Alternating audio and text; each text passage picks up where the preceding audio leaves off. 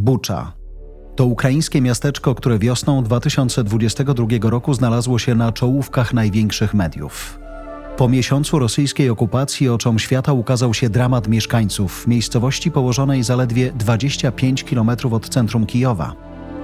W czteroodcinkowej serii usłyszysz znakomitych polskich reporterów.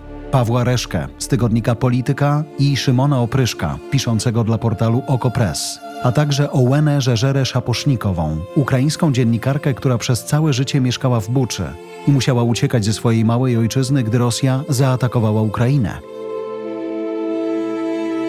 Posłuchaj opowieści o Buczy. Odcinek czwarty. Wiosna. Uwaga! Odcinek zawiera drastyczne opisy wydarzeń, które mogą urazić wrażliwych słuchaczy. Wojska ukraińskie wkroczyły do Buczy 31 marca, dzień po tym, jak wycofali się z niej Rosjanie. Wtedy też do Buczy, Irpienia, Borodzianki i innych okolicznych miast zaczęli docierać dziennikarze. 1 kwietnia w ukraińskich i światowych mediach pojawiły się pierwsze doniesienia o tym, że na ulicach miasteczka leżą dziesiątki ciał zamordowanych mieszkańców.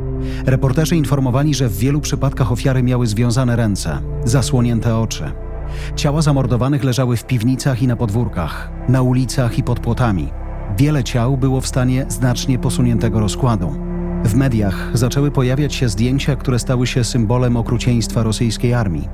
Dłoń z pomalowanymi na czerwono paznokciami zamordowanej Iryny Filkiny, tej, która wracała do domu po kilku dniach ukrywania się w centrum handlowym w Kijowie.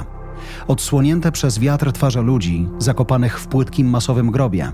Związane białą przepaską ręce mężczyzny w brązowym ubraniu, leżącego nieopodal innego zamordowanego mieszkańca Buczy.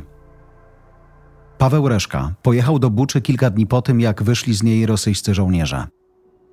4 kwietnia na swoim profilu na Facebooku napisał: Groby na trawnikach, groby przed blokami, groby na podwórkach, dom starców, babcie w pampersach, sine, umarłe.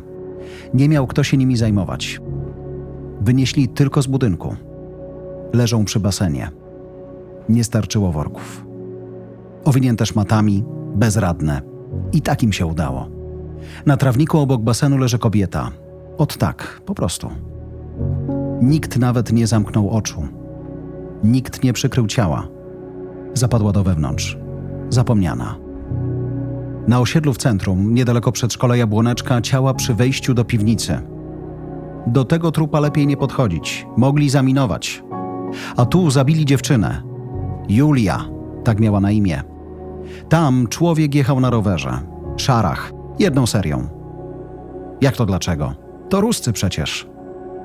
Ciała zbierają z całego miasta. Koparki kopią doły przy cerkwi Andrzeja Pierwozwannowo. Pierwszy już zasypany. Drugi jest pełny tylko do połowy. Po raz pierwszy Szymon Opryszek był w Buczy trzy tygodnie po jej wyzwoleniu te obrazy stricte wojenne, ruiny, połamane drzewa, spalone czołgi, cmentarzysko samochodów, które zostały zniszczone w trakcie okupacji Buczy, to jest jedno i oczywiście to są bardzo mocne obrazy, które zostają w pamięci. Ale dla mnie najbardziej poruszającym obrazem z tej pierwszej wizyty w Buczy był widok staruszek, które pogarbione pchały wózki ze spalonego marketu w poszukiwaniu darów humanitarnych. I dla mnie to jest historia, która mi się śniła po nocach o wiele mocniejsza niż widok spalonego samochodu, bo taka bardzo ludzka i chyba pokazująca ogrom tej tragedii na wielu wymiarach. Nie tylko w takim bardzo y, działającym obrazie spalonego samochodu, ale właśnie na takim ludzkim, w ludzkim wymiarze. Po kilku miesiącach od masakry w Buczy o rosyjskich żołnierzach Paweł Reszka mówi tak. Przerażające było to, że większość miast, bo tam dużo jednostek rosyjskich się przewijało, to ja znałem zacząłem sprawdzać, jakie jednostki stacjonowały w Buczy. Więc wyobrażałem sobie, że chodziłem po ulicach i być może kiedyś mijałem tych żołnierzy. Być może nawet z niektórymi piłem wódkę i byli w ogóle sympatyczni. Może znałem ich rodziców, albo braci, albo przyjaciół. E, nie czułem dyskomfortu chodząc po tych miejscach. Bardzo mi się Rosja podobała. Uważam, że to są mega fajni, serdeczni ludzie, że mają pochrzaniony system, że ten Putin jest nienormalny, a oni w głębi duszy są inni. A teraz patrzyłem na miejscowości, z których byli ci żołnierze i wydawało mi się, że Nie potrafiłem w to uwierzyć. To była no, klasyczna zbrodnia. To było coś niewytłumaczalnego. Bucza jest wielką, niepojętą zbrodnią, zupełnie nie dającą się racjonalnie wytłumaczyć. Oni zabijali z zemsty, z, nie wiem dlaczego zabijali, ale bardzo dużo ludzi, rosyjscy żołnierze zabili. Nikt ich nie kontrolował i mogli robić co chcieli. Myślę, że Rosja nigdy z tej krwi z siebie nie zmyje. Rosyjski mundur zawsze będzie miał ślady krwi i nie da się tej krwi po prostu tak zmyć. Rosja energicznie zaprzeczyła informacjom o tym, że to rosyjscy żołnierze mordowali cywilów w Buczy. Siergiej Ławrow, szef dyplomacji Moskwy, nazywa wydarzenia w Buczy inscenizacją, Właśnie w tym momencie, kiedy strona rosyjska w ramach gestu dobrej woli postanowiła dokonać pewnej deeskalacji na terytorium przede wszystkim obwodu kijowskiego i czernichowskiego, właśnie w tym momencie, trzy dni po tym, jak nasi żołnierze opuścili Buczę, została tam zorganizowana prowokacja, o której dziś mówimy. Tam była organizowana prowokacja, o której my dzisiaj mówimy. W mediach co i róż pojawiają się doniesienia o statystach, którzy ruszają się po skończeniu zdjęć przez zachodnich dziennikarzy. Gdy nie udaje się obronić tej absurdalnej tezy, usłużni pracownicy rosyjskich mediów spieszą z kolejnymi wiadomościami o tym, że zwłoki zostały specjalnie przywiezione i rozłożone w miejscu przez ukraińską armię, a wszystkie ofiary zostały zamordowane w innych miastach przez WSU, czyli ukraińskich żołnierzy. W każdej gazetce, każdym lokalnym portalu pojawiały się artykuły, z których czytelnicy mogli dowiedzieć się, że Zachód usiłuje zmusić Rosję do odpowiedzialności za niedokonane zbrodnie. A Bucza została wybrana specjalnie po to, żeby wywołać efekt medialny na Zachodzie, poprzez współbrzmienie słów Bucza i Buczery masakra. The Sunday Times pisze, że to jest nowa Srebrenica i że świat powinien stworzyć trybunał podobny do tego, który został stworzony dla byłej Jugosławii. Grzmiał portal Briansk News, który reklamuje się hasłem We Shape Reality, czyli kształtujemy rzeczywistość. To jest przerażająca wojna także dlatego, że ona ma pewne cechy wojny domowej, ponieważ Ukraińcy i e, Rosjanie, te dwa światy się przenikają. Bardzo wielu Ukraińców ma rodziny w Rosji. Trudno powiedzieć, co decyduje o ukraińskości, no bo są Ukraińcy, którzy nie mówią, jak ustaliliśmy po ukraińsku, albo mówią słabo, którzy się nie urodzili na Ukrainie, którzy chodzą do cerkwi patriarchatu moskiewskiego i jakby na odwrót, więc te społeczności się przenikają. I to jest przerażające, że oni dzwonią do swojej rodziny, najbliższej rodziny, która mieszka w Rosji i ta rodzina nie rozumie, co tam się dzieje, znaczy nie chce uwierzyć. Oni mówią spokojnie, spokojnie, my was wyzwalamy, ale jak to nas wyzwalacie, skoro moje mieszkanie spłonęło, a moja córka została zgwałcona? To nie jest wyzwalanie. No i Rosjanie tego nie rozumieją. Do mnie napisała moja przyjaciółka, bardzo mądra dziewczyna, znająca bardzo wiele języków i zapytała mnie, czy Bucza zdarzyła się naprawdę. Więc jej odpisałem, że bardzo naprawdę. A ona mi powiedziała, że wierzy, ale tylko dlatego, że ja jej to mówię i że ja widziałem to na własne oczy.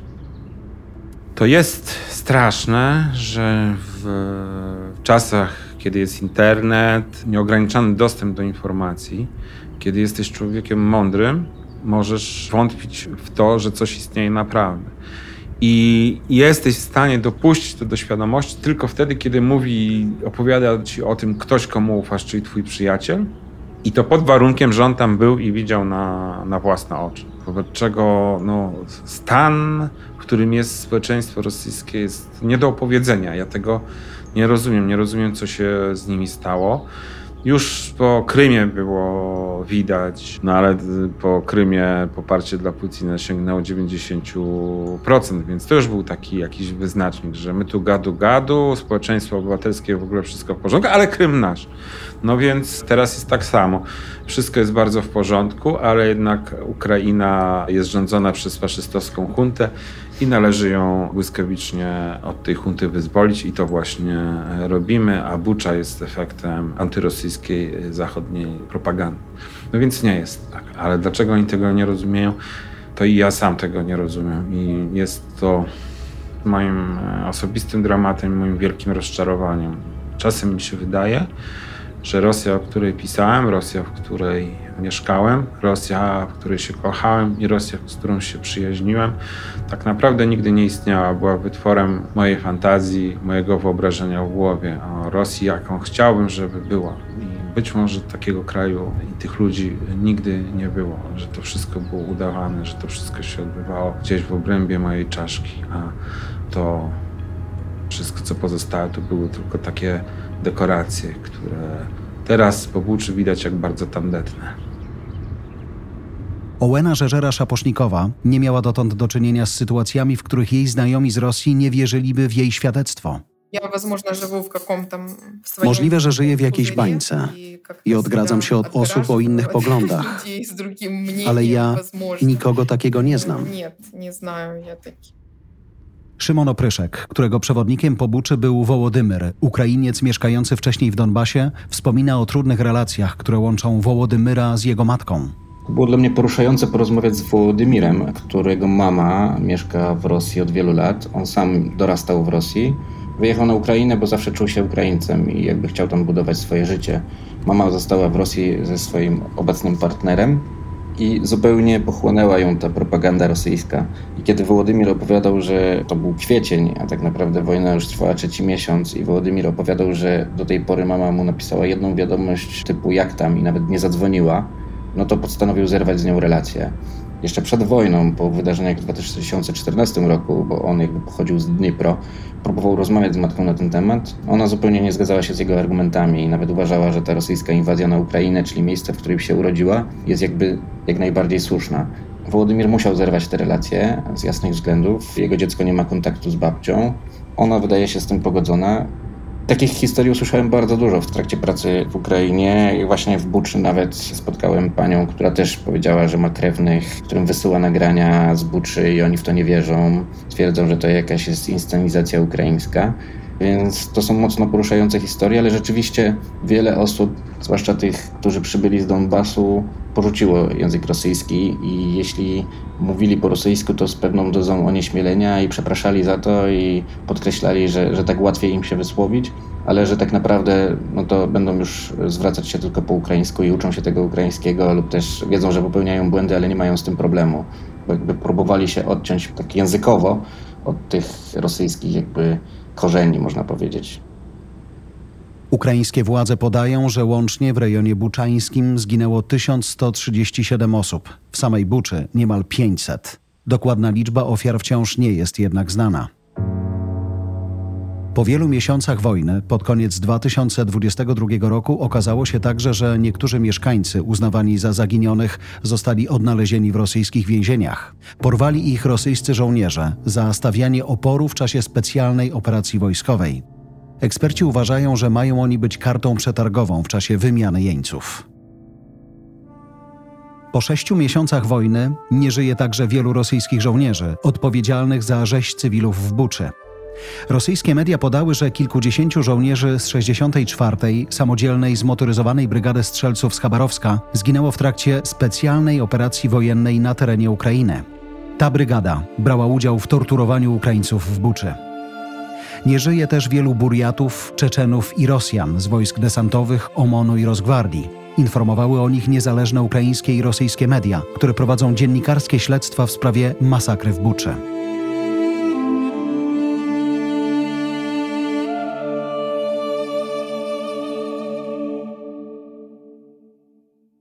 Od wydarzeń w Buczy minęło już wiele miesięcy. Mam wrażenie, że wojna w Ukrainie w takich medialnych przekazach, i to mnie bardzo smuci, zaczęła trochę wygaszać, że ludzie są już zmęczeni tymi informacjami i to mnie bardzo martwi, bo to cały czas się dzieje. Takich buczy w całej Ukrainie są setki, dodaje Szymon Opryszek. Każdego z bohaterów naszego podcastu zapytaliśmy, czy Bucza się odrodzi. Jak pierwszy raz pojechałem do Buczy, to w Buczy nie było życia. To było miasto duchów. Oczywiście widziało się te staruszki pchające wózki z marketów, widziało się jakieś samochody z darami z pomocy humanitarnej. Przed magistratem stała kolejka ludzi, którzy chcieli zgłosić się po odszkodowania. Pod kościołem w tym masowym grobie trwały ekshumacje, ale widziałem głównie zniszczenia i ludzi pochowanych gdzieś tam w swoich mieszkaniach, domach, którzy starali się jakoś odgruzować to wszystko, stwierdzić, jakie szkody sprawili Rosjanie, co się tak naprawdę wydarzyło pod ich nieobecność. więc życia, życia w ogóle nie widziałem. Do Buczy później pojechałem trzy tygodnie jeszcze, za drugim razem. No i to dla mnie było ciekawe doświadczenie zobaczyć właśnie koparki, robotników, którzy asfaltowali ulice, mieszkańców, którzy wprawiali okna, kobietę, która sadziła kwiatki. Najbardziej poruszający i mówiąc wiele o współczesnym świecie był widok na ulicy Jabłońskiej, która została zupełnie zrujnowana i jej zdjęcia były we wszystkich portalach i gazetach świata bo to było główne miejsce, w którym Czeczeńcy dokonali e, największych zbrodni i najbardziej zrujnowali miasto. Na tej ulicy czterech chłopaków młodych naprawiali światłowód i już cieszyli się, że jeszcze tego samego dnia internet wróci do Buczy. To dużo pokazuje na temat tego, jak dziś wygląda świat, ale to był dla mnie też taki obraz tej nadziei odradzającej się zmartwychwstania Buczy i tego, że, że jednak to miasto powstanie. Mam nadzieję, że wiosna nadejdzie i, i że jeszcze nie jedno lato Bucza przeżyje i że znikną wózki po nabojach z parków Buczy, że, że ta natura, która przyciągnęła tyle ludzi się odrodzi.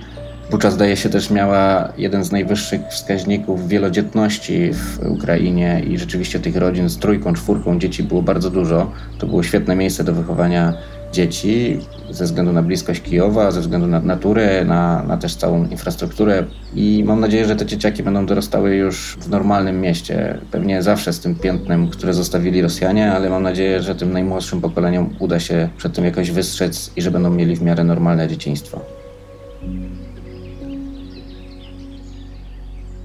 Wydaje mi się, że Bucza się odrodzi. Ja głęboko w to wierzę. Widzę Cała Ukraina bardzo tęskni do normalności, do, do życia. Ulice już są posprzątane, ciała już są wywiezione. Oni chcą zapomnieć, chcą, żeby było już normalnie. Bardzo widać tęsknotę do normalności. Nie tylko w Buczy, ale cała Ukraina za tym tęskni. Myślę, że im się to należy. Ale to, co tam się stało, będzie im się śniło po nocach zawsze i myślę, że nie tylko im, ale ich dzieciom i dzieciom dzieci, że ogromna trauma pozostanie. Natomiast życzyłbym, żeby to znowu było takie, takie miłe miejsce, spokojne miejsce do życia. I mam nadzieję, że oni to odbudują, tu nie ma wątpliwości. Są bardzo dynamiczni, bardzo prężni, bardzo dzielni w tym wszystkim. Bardzo szybcy, bardzo pracowici, bardzo skuteczni. No, wszystkiego nie da się naprawić, nie? To nie będzie tak, że będzie przejść nad tym do normalności, ale życzę im, żeby jak najszybciej się odbudowali i żeby pamiętali o tym, ale najchętniej raz w roku, żeby to czcili, ale nie żyli tym, tym koszmarem. Do Buczy ze swoją córeczką przyjechała malarka z Kanady. Wymyśliła projekt, którego celem było pomalowanie płotów w mieście i zamalowanie dziur po pociskach. Namalowała na nich kwiaty, czyli życie płynie dalej. Malarką, o której wspominała Owena, była Iwanka Sjolkowska, kanadyjka ukraińskiego pochodzenia. W wywiadzie dla Washington Post Iwanka powiedziała, że nie mogła pozostać obojętna, gdy zaatakowano kraj jej przodków. Początkowo przyleciała do Polski, żeby pomagać uchodźcom na granicy, ale gdy dowiedziała się o barbarzyństwie rosyjskich żołnierzy w Buczy, poczuła, że musi tam pojechać. Nie planowała malować kwiatów, tylko odmalowywać ściany zniszczonych domów. Ale pierwszego dnia spotkała na ulicy mężczyznę, który powiedział, że w rosyjskiej inwazji stracił wszystko. Jego syn zginął, a dom został zbombardowany i spłonął do fundamentów. W tym mieście już nie ma dla mnie radości, powiedział Iwance. Dziury po kulach w moim płocie przypominają mi o wszystkim, co mi odebrano. Wtedy Iwanka zapytała go, jaki jest jego ulubiony kwiat. Żonkil. To były ulubione kwiaty mojego syna, odparł mężczyzna i pokazał na kwiaty, które rosły tuż pod płotem. Dla Iwanki były one śladem życia wśród popiołów wojny. Tak właśnie żonkile i inne kwiaty zakwitły na płotach w Buczy.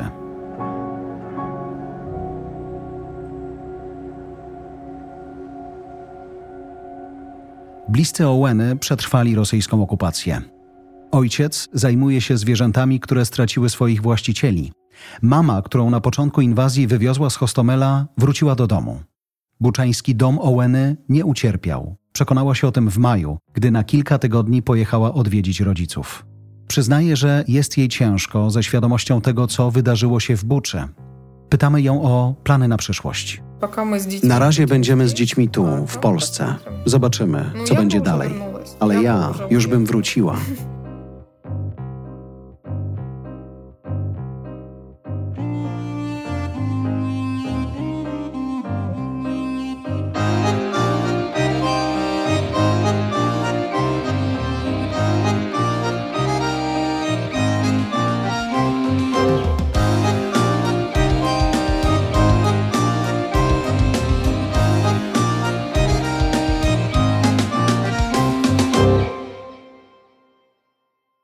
Kierownictwo produkcji Dorota Żurkowska. Tekst i redakcja Agnieszka Szypielewicz. Realizacja Kasia Harbar. Dystrybucja Olga Michałowska. Udźwiękowienie Kamil Sołdacki. Muzyka Andrzej Żarnecki. Autor ilustracji Paweł Kuczyński. Redaktor naczelny Voice House Jarosław Kuźniar.